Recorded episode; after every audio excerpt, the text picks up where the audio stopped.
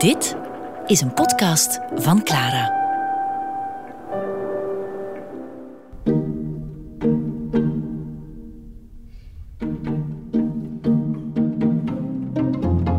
Rond 1553 moet Breugel in Rome aangekomen zijn.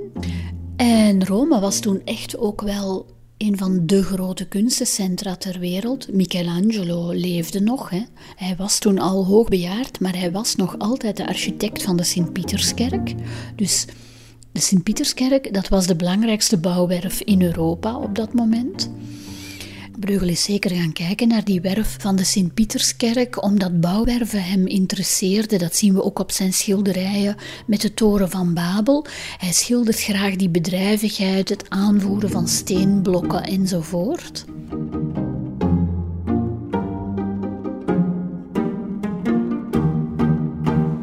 Van Breugel kennen we een heel mooie tekening die eigenlijk de Ripa Grande weergeeft, de kade van de haven van Rome. En Breugel heeft daar eigenlijk een stil moment bij de Tiber getekend. Ja, wat een veerdienst die over en weer vaart over de Tiber, wat geroezemoes bij dat douanekantoor.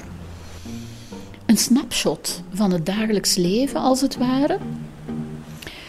En wanneer je die tekening uh, situeert op de kaart van Rome, dan zie je ook dat Breugel met zijn rug naar de belangrijkste Romeinse monumenten zat. Dus iedereen gaat kijken naar het Forum en het Colosseum en weet ik veel en oude tempels. Breugel gaat met zijn rug daar naartoe zitten. Een heel mooie tekening is dat ook, Aripa. Mogelijk heeft hij die tekening ook later in Antwerpen gemaakt op basis van schetsen.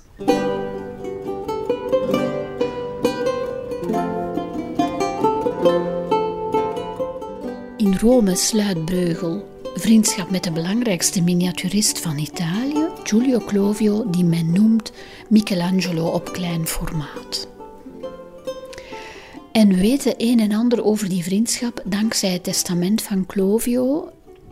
Clovio vernoemt een aantal werken, een schilderij dat hij samen met Breugel geschilderd heeft. Een toren van Babel, geschilderd door Breugel op ivoor werk dat we niet meer kennen, maar dat waarschijnlijk al leek op die twee torens van Babel, die er nog wel zijn. We weten dat Breugel zijn bestaande torens van Babel duidelijk geïnspireerd heeft op het Colosseum, dus het antieke theater in Rome. Dus af en toe keek Breugel toch wel naar de Romeinse oudheid, maar in zijn torens van Babel verheft hij dat Colosseum eigenlijk tot de vijfde macht. Hij maakt daar een veel indrukwekkender, grootser gebouw nog van.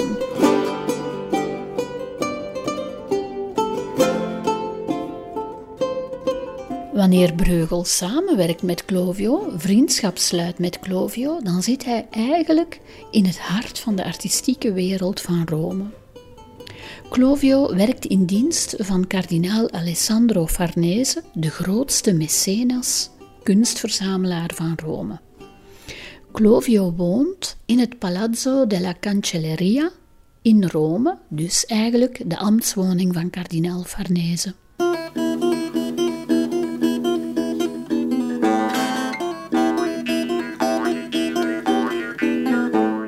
Breugel wil dus echt wel heel Italië verkennen. Dus we weten dat hij ook uh, op de uiterste punt van Italië geweest is, Messina. Er zijn verschillende tekeningen en prenten van hem bekend die de straat van Messina, die zeeengte, weergeven. En een bekend schilderij van Breugel later is de Triomf van de Dood. Een heel indrukwekkend schilderij waarin skeletten levende mensen in het nauw drijven. En op Sicilië is er in een bepaald paleis nog een muurschildering te zien met een 15e eeuwse triomf van de dood.